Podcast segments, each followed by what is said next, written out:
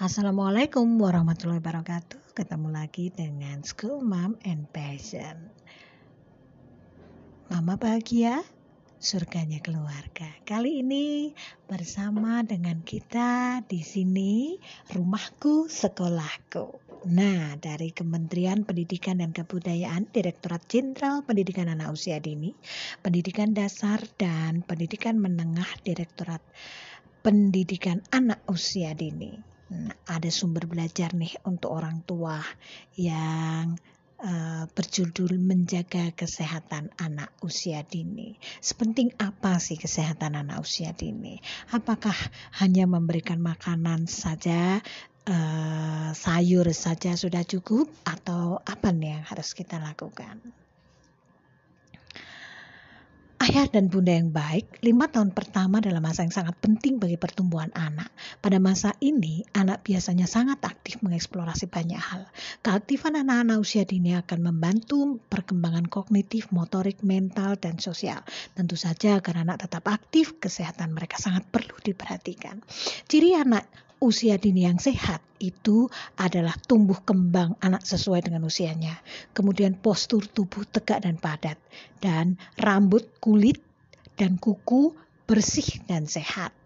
Nafsu makan baik, buang air besar BAB teratur, bergerak dan bereaksi beraksi aktif, berbicara lancar sesuai dengan usia, tidur nyenyak dalam waktu yang cukup. Tumbuh kembang anak sesuai dengan usia, ada sebuah alat ukur nih, akurat yang mudah dipahami orang tua, yaitu kartu menuju sehat KMS yang biasa dibawa ke posyandu. Kartu ini adalah cetakan grafik perkembangan anak yang diukur berdasarkan umur, berat badan, jenis kelamin. Panduan ini dikeluarkan oleh Ikatan Dokter Anak Indonesia, IDAI, berdasarkan panduan WHO. Selain bisa di dapatkan di pusat-pusat kesehatan seperti puskesmas, klinik, atau rumah sakit, kami juga bisa diunduh di toko aplikasi Play Store dan diisi secara digital. Kemudian postur tubuh tegak dan padat. Tubuh yang tegak dan padat disebabkan oleh pertumbuhan tulang dan otot yang maksimal. Agar memiliki postur seperti ini, asupan nutrisi anak harus seimbang. Nah, rambut nih, rambut, kulit, dan kuku bersih dan sehat. Kulit anak yang sehat akan terlihat lembab, tidak kering dan bersisik. Rambutnya pun tampak berkilau dan kuat, tidak mudah rontok. Kuku berwarna merah muda dan tidak rapuh. Warna merah muda pada kuku ini menunjukkan bahwa anak tidak menderita anemia atau kekurangan darah.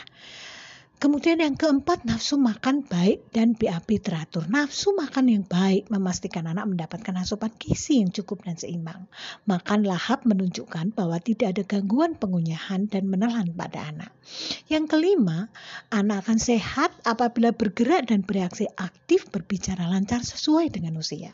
Bermain dan bergerak lincah adalah ciri khas anak-anak. Keaktifan ini merupakan pertanda bahwa anak-anak sehat, kemampuan uh, untuk merespon dengan celotehan ringan dan melakukan kontak mata juga menunjukkan bahwa anak itu sehat. Diturunya dalam waktu yang cukup. Nutrisi yang cukup menjamin sel-sel tubuh tumbuh dengan baik dan metabolisme tubuh berjalan lancar. Jika semua ini tercukupi, maka anak akan tidur dengan nyenyak. Inilah saat ideal pertumbuhan sel-sel tubuh dan otak anak. Lalu setelah mengetahui ciri-ciri anak sehat, apa nih yang bisa orang tua lakukan untuk menjaga kesehatan anak?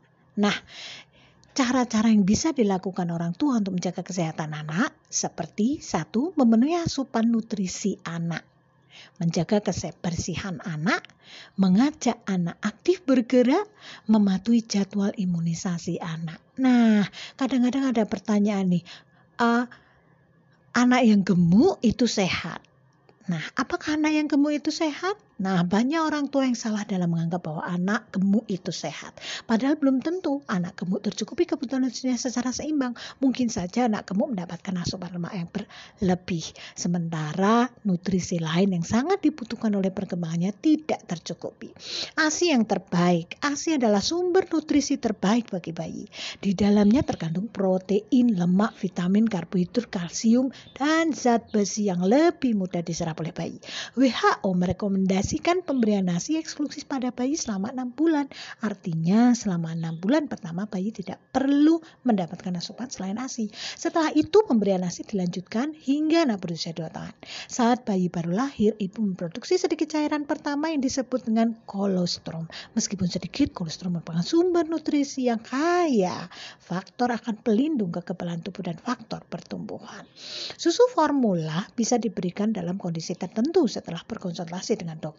Biasanya bayi prematur diberi tambahan susu formula untuk mempercepat pertumbuhan. Selain itu ada beberapa kelainan metabolisme langka yang membuat bayi tidak dapat mencerna ASI.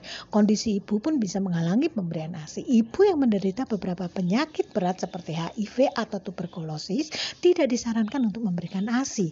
Juga ibu yang menderita kanker yang sedang menjalani kometerapi. Makanan pendamping ASI MPASI WA merekomendasikan agar bayi mulai diberi makan pada usia 6 bulan. Pada umumnya tubuh bayi berusia 6 bulan sudah siap menerima makanan dengan ciri-ciri berikut. Bayi sudah dapat duduk dengan leher tegak dan mengangkat kepala tanpa dibantu. Kemampuan motorik sudah baik, bisa meraih dan menggenggam makanan dan memasukkannya ke mulut. Bayi terlihat lapar dan tertarik pada makanan. Pemberian NPHC ini tidak dianjurkan karena usus bayi belum mampu mencerna makanan selain ASI dan susu formula. Bayi dapat mengalami kembung diare sembelit alergi makanan yang dapat berakibatkan pada kematian bayi. Ada beberapa perkecualian bagi bayi dengan kondisi khusus seperti bayi kurang gizi pada bayi kurang gizi atau kurang berat badan. Namun pemberian MPASI sebelum waktunya harus dilakukan setelah berkonsultasi dengan dokter anak. Pemberian MPASI bisa mengikuti pedoman gizi seimbang yang akan dijelaskan sebagai berikut. Nah, pedoman gizi berimbang saat ini sebagai pengganti pedoman 4 sehat 5 sempurna, pemerintah merencanakan pedoman gizi seimbang. Nah, ada 10 pedoman gizi seimbang yang dicanangkan oleh pemerintah nih para mama. Batasi konsumsi makanan manis, asin dan berlemak, lakukan aktivitas fisik cukup dan per mempertahankan berat badan ideal, biasakan mengonsumsi lauk pauk yang mengandung protein tinggi, cuci tangan pakai sabun dengan air mengalir, bersyukur, mensyukuri dan menikmati aneka ragam makanan, biasakan membaca label pada kemasan pangan, banyak makan buah dan sayur, biasakan minum air putih yang cukup dan aman, biasakan sarapan pagi, biasakan mengkonsumsi aneka ragam makanan pokok. Nah, pedoman gizi seimbang kemudian disederhanakan oleh beberapa pakar gizi dan penulis kesehatan di Indonesia menjadi tumpeng gizi seimbang TGS yang biasa disingkat dengan TGS dirancang untuk membantu setiap orang memilih makanan dengan jenis dan jumlah tepat sesuai dengan usia dan kebutuhan kesehatan. Ada beberapa potongan tumpeng di atas TGS. Satu potongan besar, dua potongan sedang, dua potongan kecil, uh, satu potongan terkecil di puncak. Luas TGS menunjukkan porsi makanan yang harus dikonsumsi setiap orang per hari. Di bagian dasar terdapat air putih dan jumlah banyak. Artinya air putih merupakan bagian terbesar yang harus dikonsumsi agar bisa hidup sehat dan aktif. Anak-anak membutuhkan berbagai nutrisi yang terkandung dalam berbagai jenis makanan. Sayang, tidak semua anak menyukai beragam jenis makanan. Jadi dibutuhkan kreativitas orang tua dalam menghidangkan makanan dan minuman agar anak-anak mengkonsumsi dengan lahap. Misalnya, jika anak tidak menyukai menyukai sayur, orang tua bisa mengolahnya menjadi makanan yang menarik seperti membuat bakso sayur, bolu pisang. Nah, yang kedua menjaga kebersihan anak. Kebersihan adalah hal yang sangat penting bagi kesehatan. Anak-anak usia dini biasanya menyentuh apa saja yang dilihat dan ditemukan. Padahal beberapa sumber penyakit dapat muncul dari kotoran yang menempel di tubuh anak. Di usia tersebut anak-anak pada usia ini juga sudah bisa mencontoh orang lain sehingga Orang tua bisa mengajarkan dan mencontohkannya kebiasaan selain membersihkan lingkungan, kebersihan diri untuk diajarkan pada anak-anak. Kebersihan mulut juga penting. Anak-anak perlu diajarkan untuk menggosok gigi secara teratur, uh, untuk kebersihan pangkal lidahnya. Kunjungan dokter gigi pun diperlukan untuk memeriksa gigi, kebersihan karang gigi. Kemudian kebersihan kuku. Kuku anak sebaiknya dipotong pendek karena kuku yang panjang lebih mudah menjadi sarang kuman dari kotoran yang terselip di kuku. Anak-anak pun harus diawasi agar tidak memotong kuku sendiri Anak usia dini belum bisa mengontrol gerakan mereka sehingga dikhawatirkan akan melukai diri sendiri. Kebersihan tubuh juga sangat penting sekali. Orang tua harus mengawasi dan membantu anak membersihkan bagian-bagian yang sering terlewatkan seperti belakang telinga di sela-sela jemari meskipun anak sudah mulai belajar mandi sendiri kebanyakan senang bermain air. Jadi mengajarkan kebersihan tubuh pada anak ketika mandi bisa dilakukan sambil bermain. Kebersihan tangan juga sangat perlu diperhatikan saat bereksplorasi, anak-anak biasanya megang banyak benda. Bakteri dan kuman kotoran yang menempel tangan bisa berpindah dengan sangat mudah ke makanan yang dipegang anak. Jadi, selalu diingat anak itu mencuci tangan setelah bermain, setelah buang air, memegang hewan peliharaan, dan sebelum makan. Kebersihan kaki juga jangan lupa. Kaki tidak sehat ditandai dengan bau. Kaki ini bisa disebabkan oleh kutu air, jamur kulit, atau infeksi lain. Jadi, anak-anak harus dibiasakan mencuci kaki beberapa kali sehari, terutama setelah bermain. Setelah dicuci, kaki harus dikeringkan. Jamur yang memicu gatal bisa tumbuh di sela-sela jari kaki. Meskipun kebersihan kaki harus selalu dijaga, ternyata ada manfaat bertelanjang kaki meningkatkan keterampilan motorik dasar, membantu perkembangan otot dan ligamen anak, membuat keseimbangan menjadi lebih baik, membuat kaki terasa segar, meningkatkan sirkulasi darah, mengurangi risiko cedera, meningkatkan sensitif sensitivitas anak terhadap lingkungan. Tentu saja setelah bertelanjang kaki, anak harus di, dibiasakan untuk mencuci kaki. Menjaga kebersihan setelah menggunakan toilet juga sangat diperlukan. Anak-anak usia dini bisa mulai diajarkan untuk membersihkan diri setelah buang air kecil dan buang air besar setelah perkembangan usia mereka sesuai dengan perkembangan usia mereka tentunya ya. Jangan lupa setelah untuk mencuci tangan agar sisa kotoran tidak menempel. Menjaga kebersihan serta sangat batuk dan bersin itu juga perlu diajarkan. Penularan penyakit lewat batuk dan bersin sangat besar kemungkinannya. Anak-anak perlu diajari cara menutup mulut dengan sapu tangan atau tisu saat batuk dan bersin. Atau dengan lengan jika tidak ada. Setelahnya anak-anak tetap harus cuci tangan. Kebersihan dalam rumah. Rumah yang bersih tentu saja mendukung kesehatan anak. Orang tua bisa mengajari anak untuk membuang sampah di tempatnya, membereskan mainan, memasukkan baju kotor ke keranjang cucian, juga menjaga kebersihan saat dekat dengan hewan peliharaan. Kebersihan makanan dan minuman juga perlu dijaga. Pada umumnya anak-anak senang jajan, namun tidak semua jajanan bersih. Orang tua harus mengawasi anak-anak agar tidak jajan di sembarang tempat. Jenis jajanan pun harus diperhatikan, misalnya dengan mengandung bahan pengawet, pewarna dari bahan, bahan kimia berbahaya dan zat-zat bahaya lainnya. Dan ajaklah anak untuk aktif bergerak. Pada umumnya anak-anak memiliki energi yang besar. Orang tua pasti akan dibuat lelah, tetapi ada nilai plusnya. Anak dan orang tua akan semakin sehat karena aktif bergerak. Meskipun begitu ada sebagian anak yang lebih pasif. Mereka menyukai kegiatan-kegiatan yang tidak memerlukan banyak bergerak, terutama pada anak-anak yang telah mengenal gawai. Manfaat aktif bergerak sangat banyak. Yang pertama bisa me, me, apa, metabolisme tubuh akan lebih baik. Tubuh lebih lancar menyerap nutrisi nutrisi hingga otot dan tulang kuat, pencernaan lebih lancar sehingga anak tidak sembelit. Yang kedua tidur malam yang lelap. Anak yang aktif bergerak pada pagi hingga sore harinya akan tidur lelap. Hormon pertumbuhan yang aktif pada saat seperti ini akan lebih lancar terbentuk. Yang ketiga, nafsu makan anak meningkat. Energi yang keluar harus digantikan dengan asupan energi juga. Anak-anak akan lebih lahap makan karena membutuhkan asupan energi. Yang keempat, daya tahan tubuh lebih kuat. Otot dan tulang anak akan bergerak lebih kuat saat anak aktif bergerak. Apalagi jika anak bergerak aktif ketika pagi hari karena bisa mendapatkan asupan vitamin D dari sinar matahari.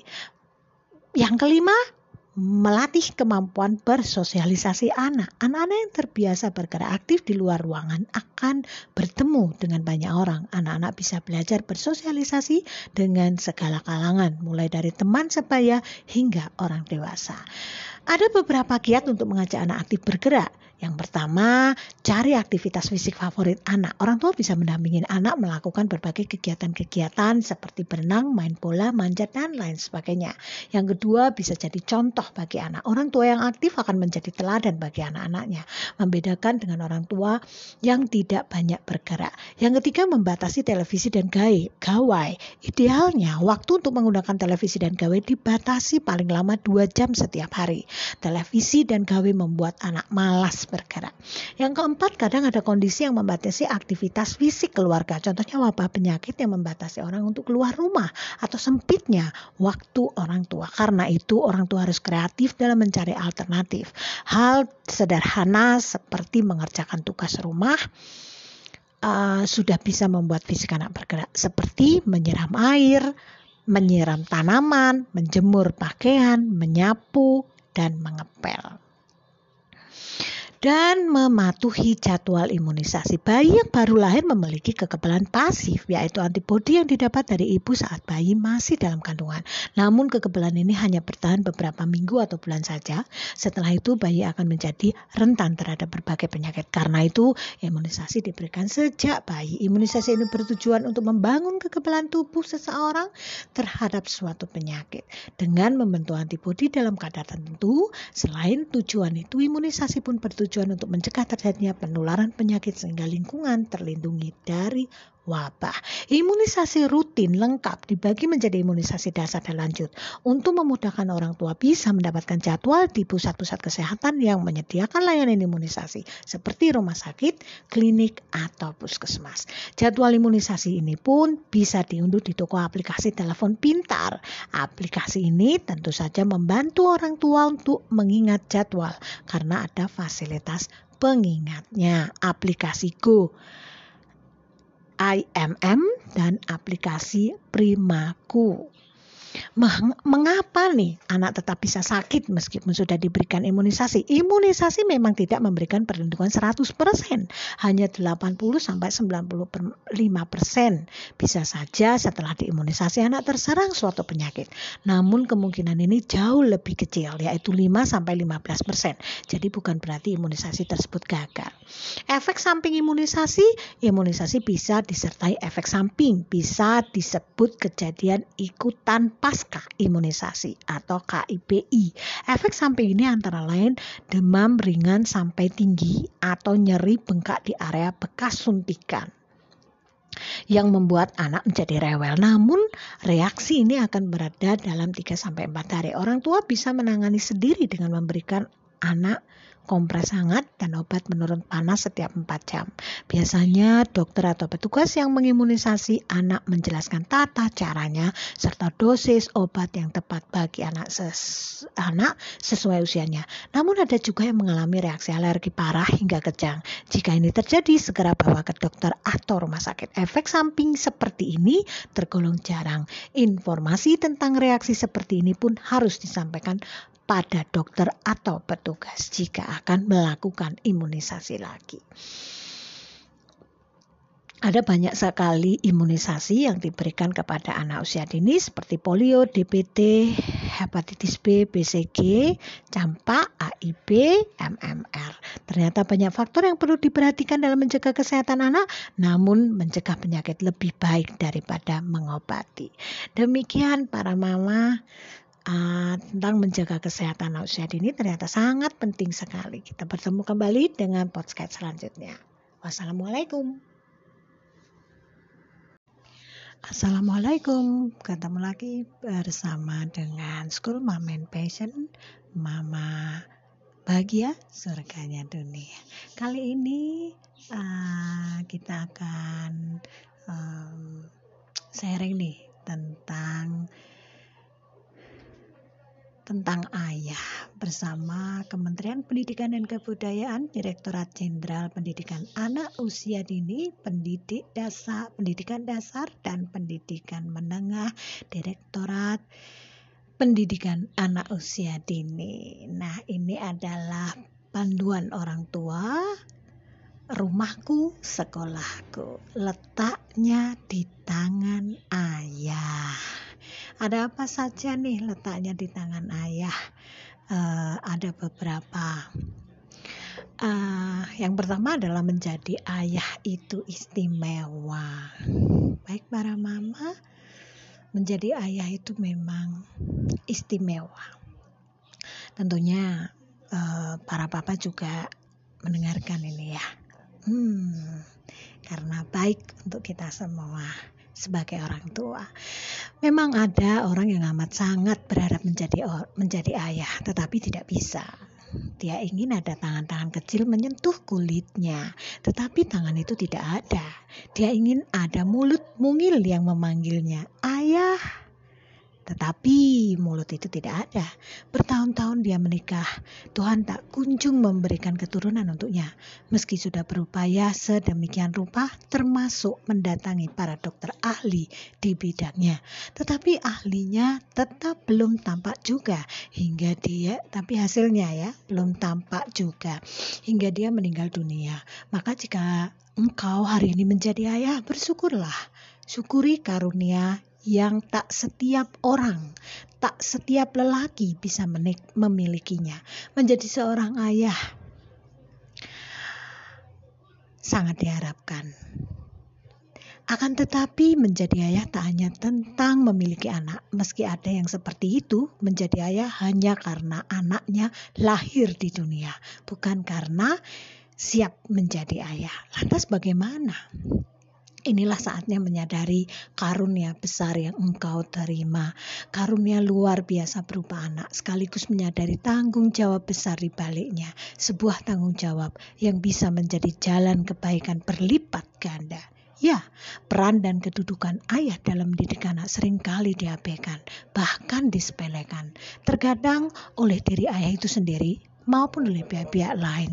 Ada yang bilang tugas ayah adalah mencari nafkah karena untuk memenuhi keperluan keluarga, mendidik anak, serahkan saja kepada ibu atau pihak lain. Demikian kadang beberapa pihak berkomentar. Padahal peran ayah dalam mendidik anak amatlah penting dan strategis, bukan hanya untuk anak-anaknya saja, tetapi juga untuk sang ayah sendiri.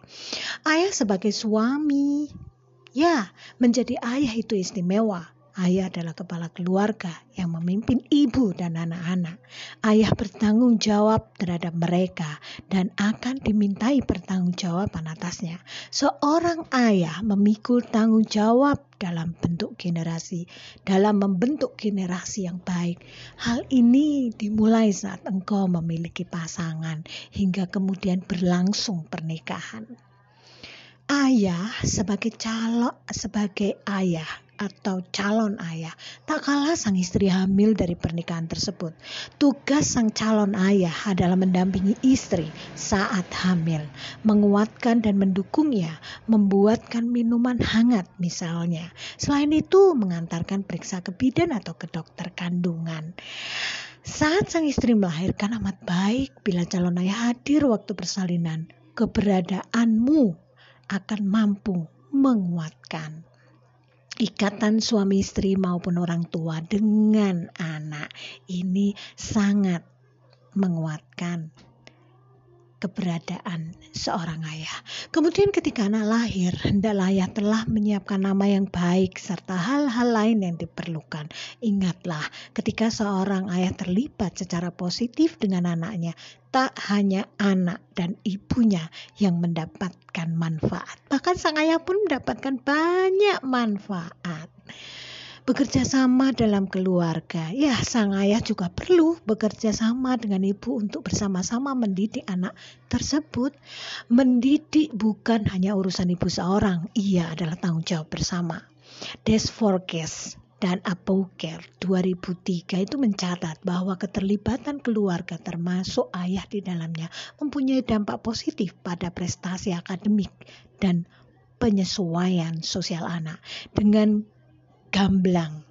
Connor dan Connor dan Scott tahun 2007 mengungkapkan bahwa keterlibatan keluarga erat hubungannya dengan positifnya perilaku, emosi, kejiwaan, sosial, intelektual, dan kondisi fisik anak. Keterlibatan ayah dalam mendidik anak sebagaimana dibuktikan banyak peneliti bukan hanya menghasilkan banyak hal positif bagi anak-anak. Keterlibatan itu juga membantu turunnya hal-hal buruk dalam perkembangan anak. Pemahaman akan arti penting peran ayah akan membantu bukan hanya para ayah, tetapi juga para ibu serta pihak-pihak lain akan pentingnya peran ayah dalam kehidupan anak-anaknya. Sehingga pihak-pihak ini bisa mendorong dan mendukung para ayah untuk melakukan berbagai tindakan yang paling bermanfaat untuk mendapatkan hasil-hasil perkembangan anak yang positif. Sebagai contoh, Para ibu bisa mendorong ayah untuk terlibat lebih jauh dalam pendidikan anak-anaknya yang akan menguatkan peran orang tua secara keseluruhan. Bahkan ketika ayah tak bisa hadir secara fisik, mungkin karena bekerja di luar kata, luar kota, keterlibatan sang ayah dengan anaknya tetap bisa diupayakan, selalu ada. Misalnya dengan ayah merekam suaranya membacakan buku untuk si buah hati yang nanti diperdengarkan kepada anaknya. Wahai ayah, dekati anakmu. Ayah yang terlibat dalam mendidik anak-anaknya akan mendapatkan banyak keuntungan. Delusi 1996 itu melaporkan bahwa para lelaki yang terlibat sebagai ayah merasa lebih pede dan efektif sebagai orang tua. Mereka menemukan bahwa menjadi orang tua itu lebih memuaskan, merasa lebih penting secara instinktif kepada anak, dan merasa terdorong untuk lebih terlibat. Sebagai tambahan, jelas black dan big dan black ya jelas Black dan Black tahun 1997 para ayah yang terlibat dengan kehidupan anak-anak mereka cenderung lebih matang secara sosial dan kecewaan.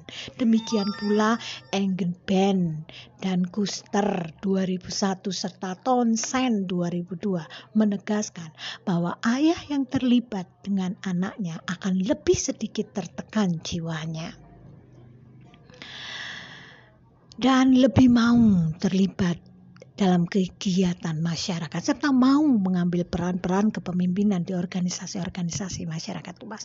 Masih banyak manfaat yang mengikuti para ayah yang terlibat secara positif dengan anaknya. Inilah saatnya kita berbenah dan memperbaiki diri. Tak pernah ada kata terlambat bila kita mau bersungguh-sungguh anakmu menantimu. Wow. Demikian sharing dari School Mom and Passion untuk para ayah. Semoga bermanfaat. Kita akan ketemu lagi di School Mom and Passion. Wassalamualaikum. Dicoba kok tidak bisa, mengapa?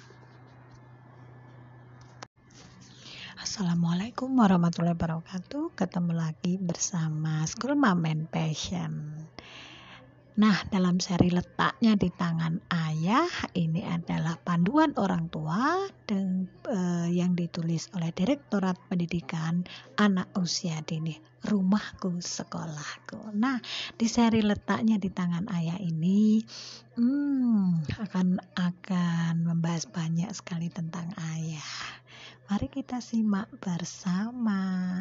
Menjadi ayah itu istimewa. Ada orang yang amat sangat berharap menjadi ayah, tetapi tidak bisa. Ia ingin ada tangan-tangan kecil menyentuh kulitnya, tetapi tangan itu tidak ada. Dia ingin ada mulut mungil yang memanggilnya, "Ayah!" Tetapi mulut itu tak ada. Bertahun-tahun dia menikah. Tuhan tak kunjung memberikan keturunan untuknya, meski sudah berupaya sedemikian rupa, termasuk mendatangi para dokter ahli di bidangnya. Tapi hasilnya tetap belum tampak juga, hingga dia meninggal dunia. Maka jika engkau hari ini menjadi ayah, bersyukurlah. Syukuri karunia yang tak setiap orang, tak setiap lelaki bisa memilikinya menjadi seorang ayah. Akan tetapi, Menjadi ayah tak hanya tentang memiliki anak, meski ada yang seperti itu. Menjadi ayah hanya karena anaknya lahir di dunia, bukan karena siapa menjadi ayah. Lantas bagaimana? Inilah saat menyadari karunia besar yang engkau terima. Karunia luar biasa berupa anak, sekaligus menyadari tanggung jawab besar di baliknya. Sebuah tanggung jawab yang bisa menjadi jalan kebaikan berlipat ganda. Ya, peran dan kedudukan ayah dalam mendidik anak sering kali diabaikan, bahkan disepelekan. Terkadang oleh diri ayah itu sendiri maupun oleh pihak-pihak lain. Ada yang bilang tugas ayah adalah mencari nafkah, bekerja untuk memenuhi keperluan keluarga, mendidik anak serahkan saja kepada ibu atau pihak lainnya. Demikian kadang beberapa pihak berkomentar. Padahal peran ayah dalam mendidik anak amatlah penting dan strategis. Bukan hanya untuk anak-anaknya saja tetapi juga untuk sang ayah itu sendiri. Ayah sebagai suami, ya menjadi ayah itu istimewa. Ayah adalah kepala keluarga yang memimpin ibu dan anak-anak. Ayah bertanggung jawab terhadap mereka dan akan dimintai pertanggungjawaban atasnya. Seorang ayah memikul bertanggung jawab dalam membentuk generasi yang baik. Hal ini dimulai saat engkau memiliki pasangan hingga kemudian berlangsung pernikahan. Ayah sebagai calon ayah. Tak kalah sang istri hamil dari pernikahan tersebut, tugas sang calon ayah dalam mendampingi istri saat hamil, menguatkan dan mendukungnya, membuatkan minuman hangat.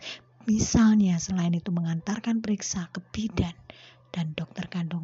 Saat sang istri melahirkan amat baik, calon Bila calon ayah hadir untuk persalinan, keberadaanmu akan mampu menguatkan ikatan suami istri maupun orang tua dalam dengan anaknya.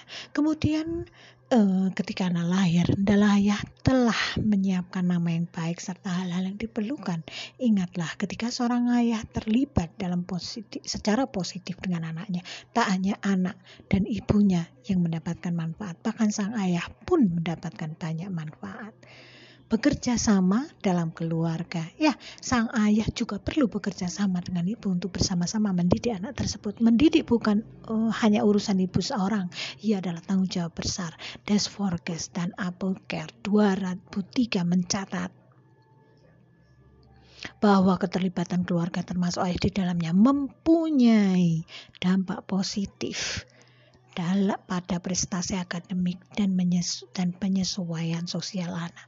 Dengan gamblang, Cornor dan Scott 2007 mengungkapkan bahwa keterlibatan keluarga erat berhubungan dengan positifnya perilaku, emosi, kejiwaan, sosial, intelektual, dan kondisi fisik anak. Keterlibatan ayah dalam mendidik anak sebagaimana dibuktikan bahwa peneliti bukan hanya menghasilkan banyak hal positif bagi anak-anak. Keterlibatan itu juga membantu turutnya hal-hal buruk dalam perkembangan anak. Pemahaman akan arti penting peran ayah akan membantu bukan hanya pada para ayah, tetapi juga para ibu ibu serta pihak-pihak lainnya akan pentingnya peran ayah dalam kehidupan anak-anaknya sehingga pihak-pihak ini bisa mendorong dan mendukung para ayah untuk melakukan berbagai tindakan yang paling bermanfaat untuk mendapatkan hasil-hasil perkembangan anak. Positif sebagai contoh, para ibu bisa mendorong ayah untuk terlibat lebih jauh dalam mendidik anak-anak yang akan menguatkan peran orang tua secara keseluruhan. Bahkan keterlibatan ayah tak bisa hadir secara fisik mungkin karena bekerja di luar kota, keterlibatan sang ayah dengan anaknya tetap bisa diupayakan, selalu ada. Misalnya dengan ayah merekam suaranya, membacakan buku cerita untuk sebuah hati yang nantinya diperdengarkan kepada anaknya. Wahai ayah, dekati anakmu. Ayah yang terlibat dalam mendidik anak-anaknya akan mendapat banyak keuntungan. Delusi 1996 melaporkan bahwa para lelaki yang terlibat sebagai ayah merasa lebih pede dan efektif sebagai orang tua. Mereka menemukan bahwa menjadi orang tua itu lebih memuaskan, merasa lebih penting secara instinsi kepada anak, dan merasa terdorong untuk lebih terlibat. Sebagai tambahan jelas Plek dan Plek 1997, para ayah yang terlibat dengan kehidupan anak-anak mereka cenderung lebih matang secara sosial dan kejiwaannya. Demikian pula Igeben dan Skon, uh, Skon Noster 2001 serta Townsend 2002 menegaskan bahwa ayah yang terlibat dengan anaknya akan lebih sedikit tertekan jiwanya, lebih mau terlibat dalam kegiatan masyarakat serta mau mengambil peran kepemimpinan di organisasi masyarakat luas. Masih banyak manfaat yang mengikuti para ayah yang terlibat secara positif dengan anaknya.